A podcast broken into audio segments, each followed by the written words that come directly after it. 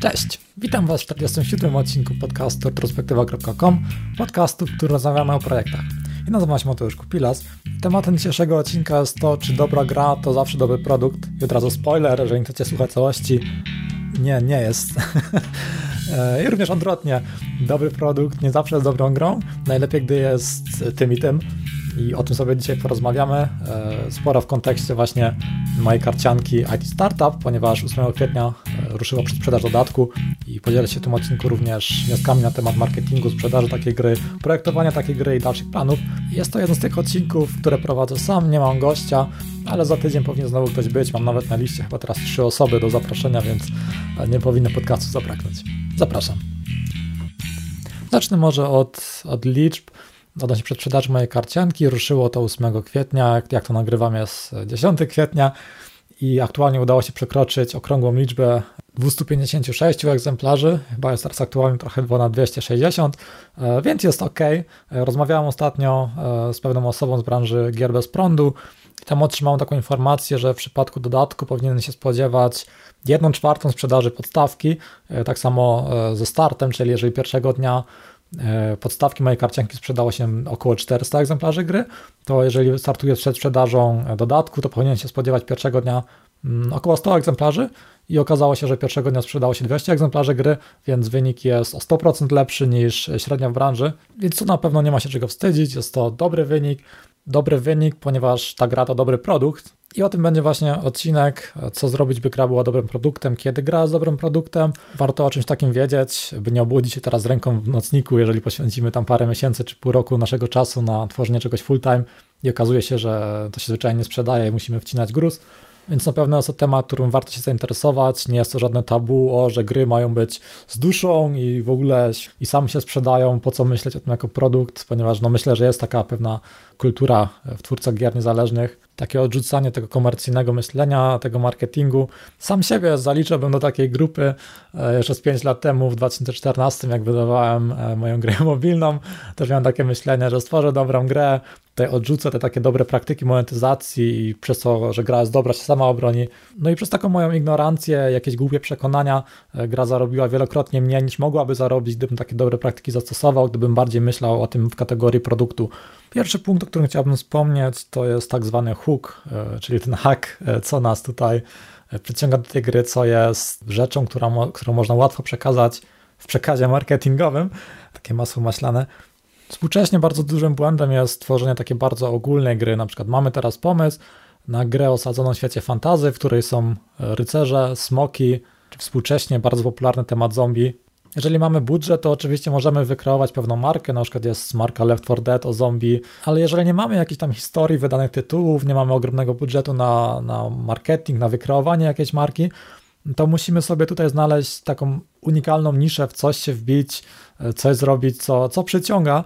Jak na przykład śledziłem kiedyś podcast, który już niestety nie istnieje, Lostcast, i tam, tam była taka ważna lekcja, którą, którą wspomnieli przy okazji e, retrospektywy na temat własnej gry, która nazywa się Wizard's Lizard, czyli e, jaszczurka od e, czarodzieja. I gra tak naprawdę zaczynała powstawać wcześniej, ale nie było tego hooku właśnie, ten, tego, tego haku, który przyciągał. Początkowo był to kolejny generyczny dungeon crawler z mechanikami rodem Zeldy. No i w sumie tyle, nic to grę nie przyciągało.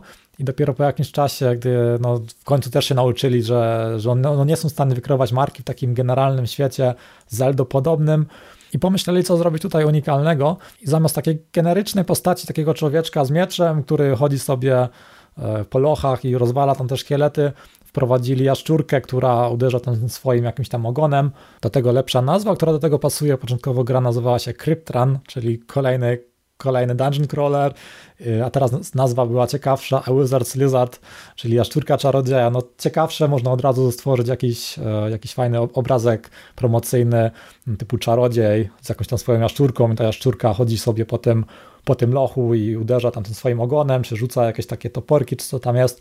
Jest to inne, jest to ciekawsze i tak warto myśleć właśnie o, o, o grze jako produkcie, coś jak to przedstawimy. To była dalej bardzo podobna gra do tej, którą, którą, tworzyli, czyli był to ten Crypt Run Dungeon Crawler, tylko zamiast takiego generycznego człowieka z mieczem była tam jakaś jaszczurka, e, było to ciekawsze, po prostu nazwa była bardziej chwytliwa, Wizard's Lizard na pewno jest e, bardziej przyciągająca uwagę niż CryptRun i w tym kontekście chciałbym, byście myśleli, mm, tak naprawdę gra się za, za, bardzo nie zmieniła. Dalej był to dungeon crawler, podobne mechaniki, tylko trochę rzeczy zamieniono, by były ciekawsze i łatwiejsze do przekazania marketingowo. I coś podobnego możecie robić. Możecie wykorzystać mechaniki, funkcjonalność, którą już macie z poprzednich gier, czy z jakichś pomysłów i zastanawiać się, jak to opakować tak naprawdę w produkt, coś, co łatwiej przekazać gdzieś, co ktoś chętnie kupi, ponieważ ma to ten lepszy hook. Tak na przykład moja karcianka IT Startup, to tak naprawdę co tam robimy? E, zagrywamy jakąś kartę, która akurat jest pracownikiem, deweloperem, programistą, która ma jakąś wydajność, dodaje to nam jakieś punkty na koniec tury, e, możemy to wzmacniać wiedzą, czyli dodajemy plus 3 do wiedzy, plus 4, że zamiast przykład programista dodawać 5 punktów co turę, dodaje teraz plus x, ponieważ ma jakąś tam wiedzę i tych programistów z wiedzą można sobie podkradać jakimiś innymi kartami, to jest mechanika banalna. E, zdobywanie punktów, wzmacnianie tych postaci, które punkty zdobywają, podkradanie sobie tych postaci, jakaś tam negatywna interakcja typu wypalanie e, pracowników przeciwnikowi, czy znoszenie wypalenia naszych pracowników. To jest w sumie cały ten core, 90% mechaniki i sprzedaje się to dlatego, ponieważ jest to opakowane w produkt, jest to firma informatyczna, programiści uczą się nowej wiedzy, dział HR podkrada tych pracowników i pracownicy mają wypalenie zawodowe i się wypalają. Przecież to fajnie brzmi, to można fajnie przekazać i to jest sprzedający się produkt, a tak naprawdę ca cała mechanika, oczywiście również było tam dużo pracy, by to dopasować i się po prostu fajnie grało, właśnie opakowana jako taki produkt się sprzedaje. Dokładnie te same mechaniki mógłbym również e, opakować jakoś gorzej, w gorszy produkt. Przykładowo mm, kolejna gra o walce Królestwa A z Królestwem B. Zamiast programistów byliby tutaj jacyś wojownicy, e, zamiast wiedzy daje im znowu jakiś tam nowy miecz, nową tarczę. I powiedzmy, zamiast podkradania działem HR tych pracowników są jakieś czary e, manipulacji umysłu i zamiast działu HR są po prostu jacyś czarodzieje, którzy podkradają tą magię umysłu wojska przeciwnika. I tak naprawdę jest to ta sama gra, można te same statystyki wykorzystać, opakować to w inny produkt i byłoby to dużo trudniej sprzedać, ponieważ tak naprawdę opakowałem to w produkt, który byłem w stanie sprzedać, ponieważ prowadziłem e, bloga i kanał YouTube o tematyce IT, miałem listę mailingową osób zainteresowanych tematami IT, miałem kontakty do firm, które tam by chciały na przykład wskoczyć e, ze swoim logiem na pudełku, ponieważ jest to fajna gra i to jest fajna opcja dla nich na reklamę, a dla mnie jest to opcja na jakiś dodatkowy zarobek, by mieć budżet na wydanie tej gry, na przykład by wskoczyć z logiem swojej firmy na pudełko podstawki IT Startup, była to podczas akcji crowdfundingowej e, cena 2000 zł, by wskoczyć na pudełko i wszystkie trzy sloty wyprzedały się praktycznie w jedną dobę, czyli przez taki jeden głupi pomysł, przez to, że jest to dobrze opakowane jako produkt, od razu 6000 na start, więcej budżetu na grę. Sami możecie pomyśleć analogicznie, w jakim środowisku się tak naprawdę obracacie, e, gdzie macie kontakty, gdzie macie dojścia. Na przykład ostatnio na Polak Potrafi był projekt e, głośny Antyszczepionkowcy BIS, gra karciana o antyszczepionkowcach. Również e, z tego co kojarzę jest to projekt dwóch osób, e, małżeństwo, z tego co kojarzę, mam nadzieję, że nie przekręciłem, e, informatyk oraz studentka medycyny, czy już pani doktor, nie sprawdziłem dokładnie przed podcastem. I mają oni swoje kontakty właśnie w tej branży medycznej i są właśnie w stanie dotrzeć do tej niszy, która, która jest zainteresowana tym hookiem. Oczywiście gra wypadałoby, by była dobra. nie mówię, że musi być wybitna, chociaż tutaj, tutaj trzeba przyznać rację, że gra może się sprzedać nawet jeżeli jest kiepska, jeżeli jest to dobry produkt, to może sprzedać się ok, ale jeżeli te dwa czynniki są, są dopracowane, czyli i gra jest dobra i jest to dobry produkt, to wtedy no jest to przepis na sukces, że tak powiem coachingowo.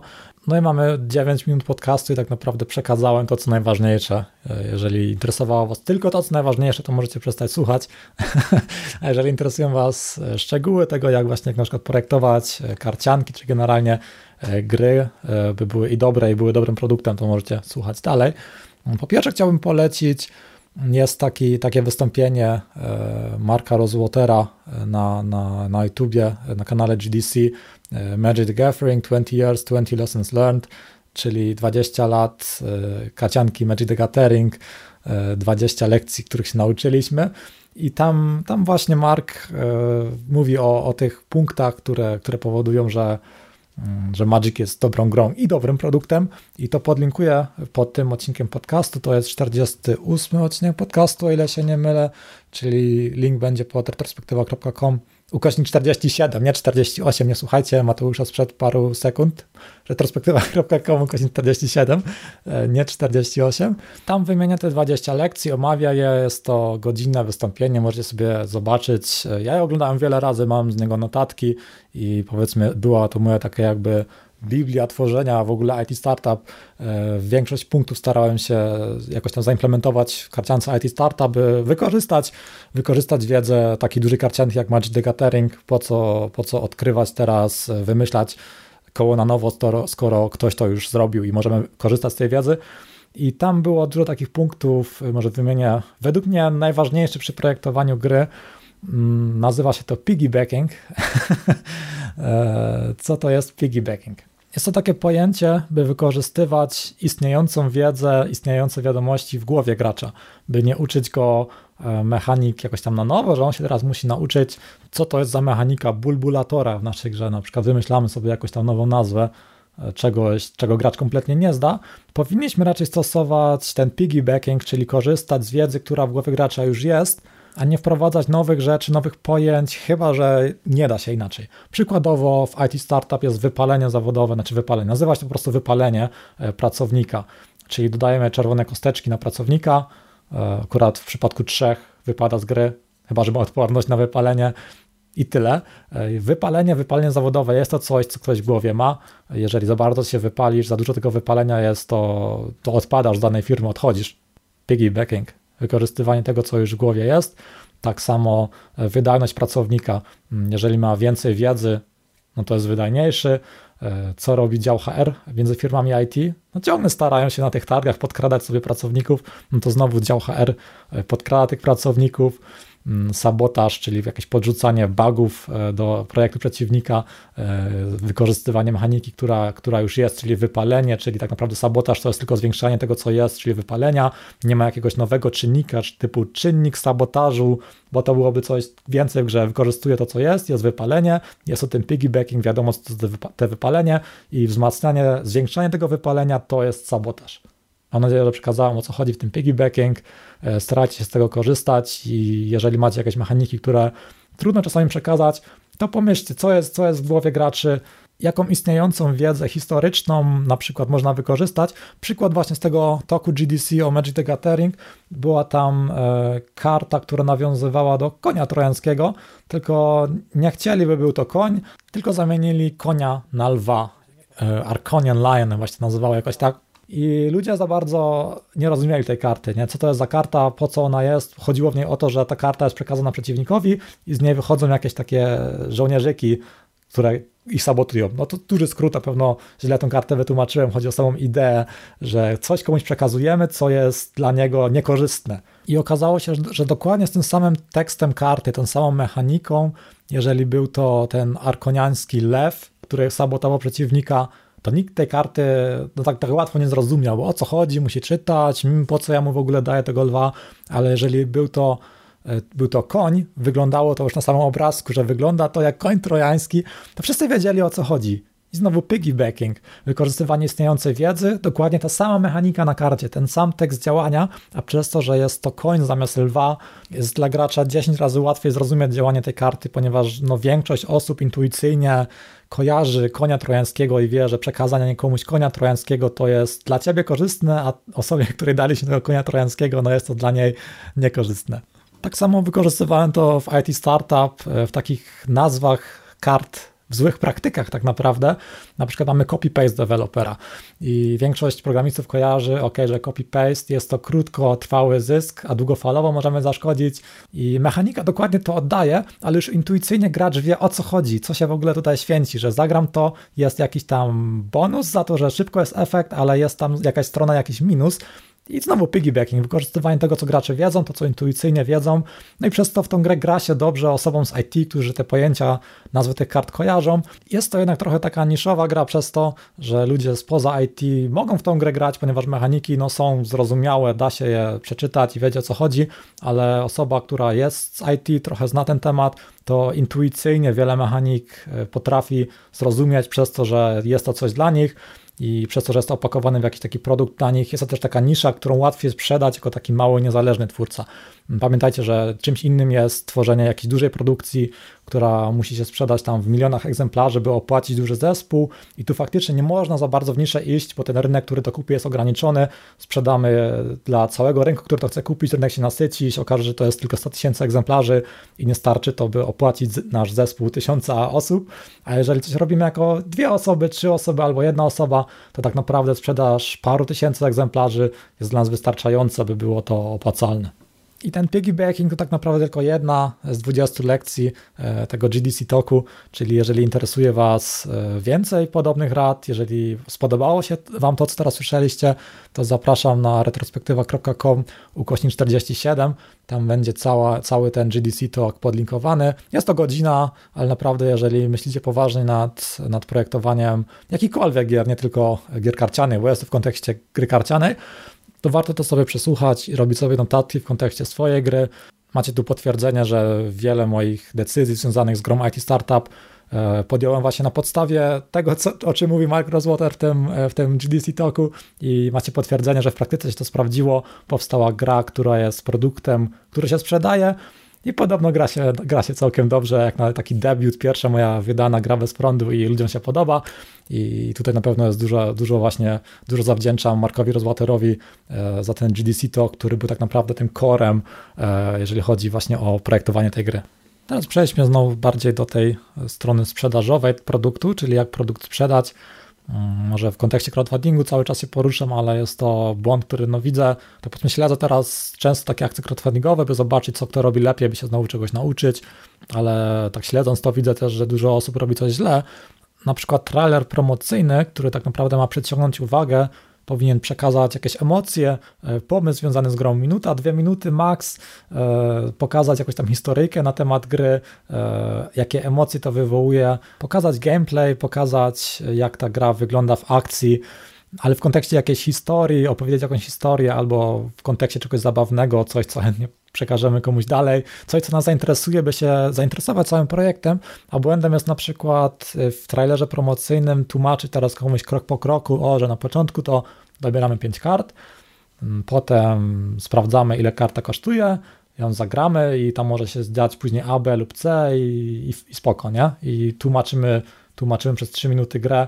Oczywiście powinniśmy tłumaczyć zasady gry, powinno to być gdzieś e, na stronie projektu, ale niekoniecznie w trailerze promocyjnym. Tutaj powinny być przekazane emocje, taki bardzo ogólny pomysł gry, coś, co właśnie przekaże to, jaka to jest nisza, co to jest za typ gry, e, jakiś tam gameplay, który po prostu fajnie wygląda, pokazuje, jak tam się ewentualnie jakieś figurki grze poruszają, jeżeli jest to jakaś gra komputerowa, jakieś fajne, fajne sceny z gameplayu coś, co ma taki efekt wow, jest humorystyczne, czy przekazuje jakieś emocje, powinniście, tutaj sobie, powinniście sobie wybrać właśnie jaki jest hook, co jest właśnie takim haczykiem, który przyciąga gracza, czy jest to, o to jest gra dla graczy, którzy są zainteresowani tematem IT, to jest gra dla ludzi, którzy lubią w grach połączenie wirtualnej rzeczywistości z rozwalaniem miast, nie? Coś takiego. To jest coś, co w trailerze powinno być przekazane, a nie tłumaczenie krok po kroku reguł gry. Jest na to miejsce, ale dalej, nie w trailerze promocyjnym. Oczywiście to jest taka rada bardzo ogólna, na pewno są trailery promocyjne, które przy okazji właśnie tego, że dobrze pokazują gameplay, od razu tłumaczą, tłumaczą zasady gry, ale nie zawsze da się to dobrze zrobić, więc jeżeli jest wybór, albo dobrze przekazać zasady, albo w ciekawy sposób przedstawić ideę, wywołać jakieś emocje, to zdecydowanie powinno się wybrać to drugie. Tu musimy oczywiście rozróżnić, czy, czy projektujemy grę jako hobby, czy ma to być zajęcie, które sprawia nam przyjemność, bo tak naprawdę tworzenie gry dla siebie, tworzenie e, gry jako hobby jest to świetna rzecz, świetny sposób na spędzenie wolnego czasu. Sam kiedyś tworzyłem takie gry typowo dla fanów, jeszcze pamiętam w podstawówce nawet tworzyłem sobie w The Games Factory, e, wziąłem sobie film Starship Troopers i po prostu ten film w postaci gry sobie robiłem i był to, był to super fan dla mnie, kompletnie nie myślałem o tym jako produkcie, by to sprzedać i był to na pewno super spędzony czas. Oczywiście dla takiego hobbystycznego tworzenia gier te rady kompletnie ich nie dotyczą, po co sobie zawracać głowę tworzeniem produktu z gry, bo nie jest to często fajny proces, tutaj trzeba mielić trochę informacji, sprawdzać grupę docelową, testować, co się ludziom podoba. Może się to wydawać fajne, tak popróbować to coś nowego, ale tak naprawdę myślę, że dla większości osób tworzenie samej gry jest to coś, co lubią robić, coś, w czym są, jest, coś, jesteś w tym dobry, jesteś dobry w tworzeniu gry, a ten marketing, e, dopasowanie tak naprawdę odpowiedniego produktu do mechanik stworzonych gry.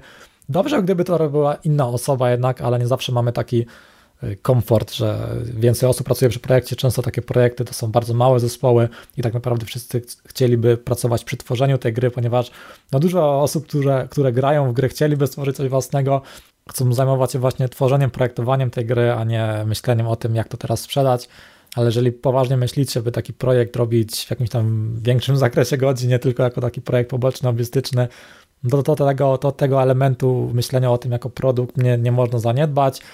Chociaż czasem i bez tego się uda, jest dużo takich krzykliwych historii, jakichś tam sukcesów typu Flappy Bird, że ktoś sobie stworzył jakąś taką grę i nagle to wybuchło i w ogóle był mega sukces ale to są takie pojedyncze przypadki. Raczej nie liczyłbym na to, że uda Wam się coś takiego wbić. Na pewno nie jest to powtarzalny proces tworzenia takich hitów z niczego. Jest masę bardzo dobrych gier, które się zwyczajnie nie sprzedały. Rynek gier jest bardzo nasycony by się czymś przebić, by, by uderzyć właśnie w jakąś tam grupę docelową, która jest czymś zainteresowana. No trzeba się trochę napracować, e, poświęcić czas na to, by, by opakować pomysł gry, mechaniki, w sprzedający się produkt. Jestem pewny, że gdybym jakimś cudem teraz te nagranie wysłał dla siebie sprzed tam 5-6 lat, no potem bym powiedział, a co to Mateusz w przyszłości pier... chce kur... robić gry, a nie jakieś pier... Y, związane z marketingiem, sprzedażą, jak do, zrobię dobrą grę, to się sprzeda. No ale teraz jednak jestem trochę starszy i widzę, że jeżeli faktycznie nie ma to być tylko hobby, tylko chcecie na tym trochę zarobić, to zaniedbanie tego punktu opakowania gry w produkt no jest zwyczajnie głupie i nieodpowiedzialne, jeżeli macie na przykład na, na utrzymaniu rodzinę i chcecie, by, by gry regularnie jakoś zarabiały. Tutaj znowu mogę polecić e, bardzo fajny film na YouTube. Jest to kanał Press Yourself Games, tytuł filmu How to Consistently Make Profitable Indie Games, czyli jak e, regularnie, konsekwentnie tworzyć e, gry niezależne, które są profitable, czyli, czyli zarabiają na siebie. Również będzie to podlinkowane na retrospektywa.com godzin 47, tak 47 odcinek podcastu. Będą tam te dwa bardzo ważne filmy, GDC Talk Marka Rozwatera o projektowaniu i lekcjach związanych z Magic the Gathering oraz um, film o tworzeniu gier niezależnych, jak konsekwentnie tworzyć gry niezależne, które na siebie zarabiają. Znowu jest to prawie godzinny film, 48 minut, ale to jest tak naprawdę takie złoto. E, jest tyle, jest masę informacji w internecie na temat tworzenia gier, na zarabianiu na grach i nie wszystko z tego jest jakoś tam super, a te dwa materiały to naprawdę złoto. Jeżeli, jeżeli poświęcicie czas na zobaczenie tego i najlepiej na robienie notatek, to jestem pewny, że nie pożałujecie. retrospektywa.com, ukośnik 47, tam będą podlinkowane te dwa filmy, to jest takie naprawdę must watch, jeżeli myślicie o tworzeniu gier, które będą sprzedającymi się produktami, jak to obrzydliwie brzmi, ale no tak musimy robić, jeżeli chcemy prowadzić jakiś biznes, który zarabia, a nie robić tego tylko jako hobby. Pamiętajcie, że tworzenie gier jest waszym hobby, to spoko, sprawia wam to przyjemność, e, twórzcie to jak chcecie, by sprawiało wam to przyjemność, nie przejmujcie, nie przejmujcie się tym, jeżeli e, niekoniecznie to wam jakąś tam dobrą kasę zarobi.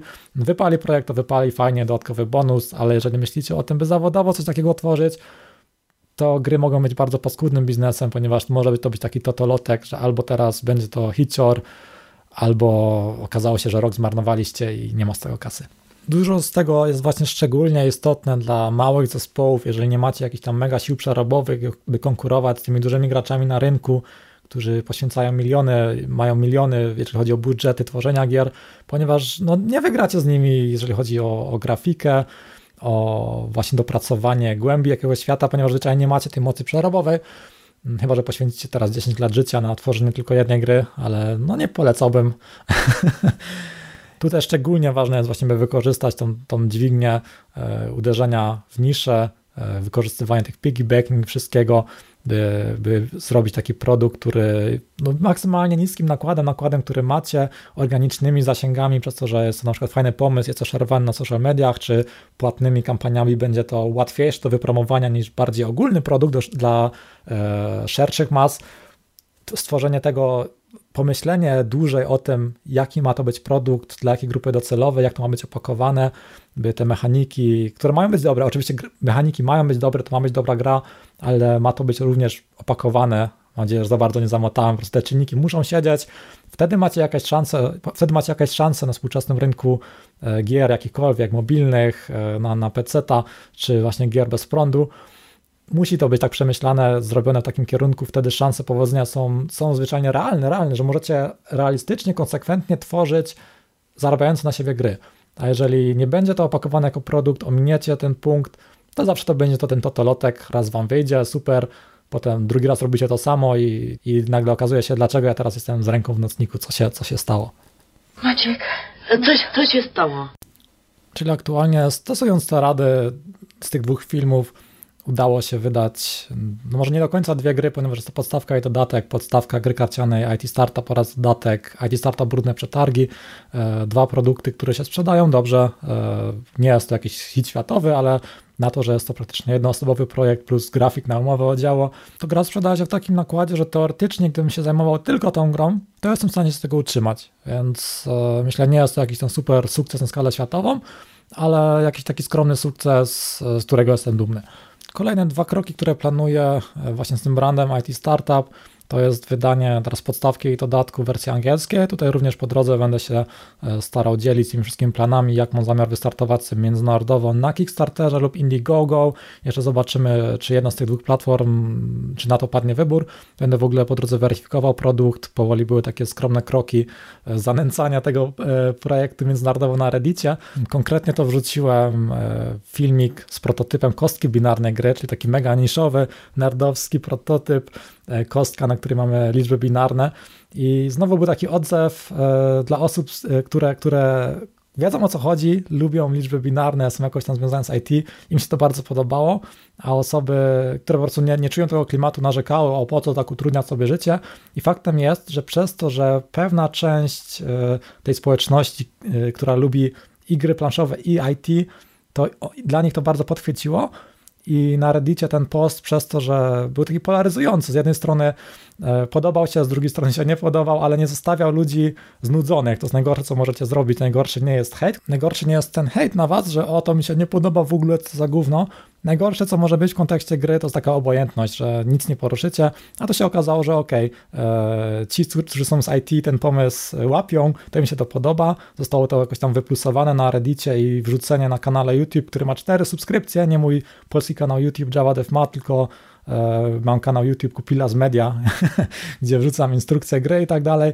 I tam wrzuciłem filmik z prototypem korski binarnej, wrzuciłem ten prototyp na Reddita i mimo mieszanych komentarzy, część chwaliła ci z IT, a część mówiła, że to są takie fanabery niepotrzebne, to 4000, 4,5 tysiąca wyświetleń to wygenerowało na YouTubie bez żadnej płatnej reklamy, po prostu wrzuciłem coś ciekawego na, na Reddita i taką zamiar teraz przez pół roku mniej więcej zanęcać e, ten projekt międzynarodowo, czy to na Reddicie, czy jakichś grupach facebookowych związanych z grami planszowymi i IT, trochę płatnej reklamy, przedstawianie wersji angielskiej i za pół roku mniej więcej start międzynarodowy. Zobaczymy, czy uda się to jeszcze zrobić w tym roku, czy na porządku przyszłego i na pewno będę się e, po drodze e, dzielił tą drogą, co się udaje, co nie, jakie są efekty i, I, zobaczymy. Myślę, że jest na pewno e, coś, co, co warto śledzić. Ja bym to śledził, gdyby ktoś robi coś podobnego międzynarodowo. Jeżeli również taki projekt rozwijacie i chcecie na przykład z produktu, który w Polsce się sprawdza, wyjść międzynarodowo, to dajcie mi, mi znać. Na pewno postaram się Was śledzić, śledzić ponieważ no, bardzo lubię takie case study i oglądanie właśnie czegoś na żywo, nie tylko mówienie czegoś w teorii, tylko faktycznie robienie tego również samodzielnie.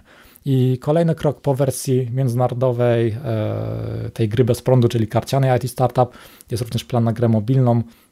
Tutaj jest plan e, stworzenia Tycoona. Już mówiłem o tym e, z pół roku temu.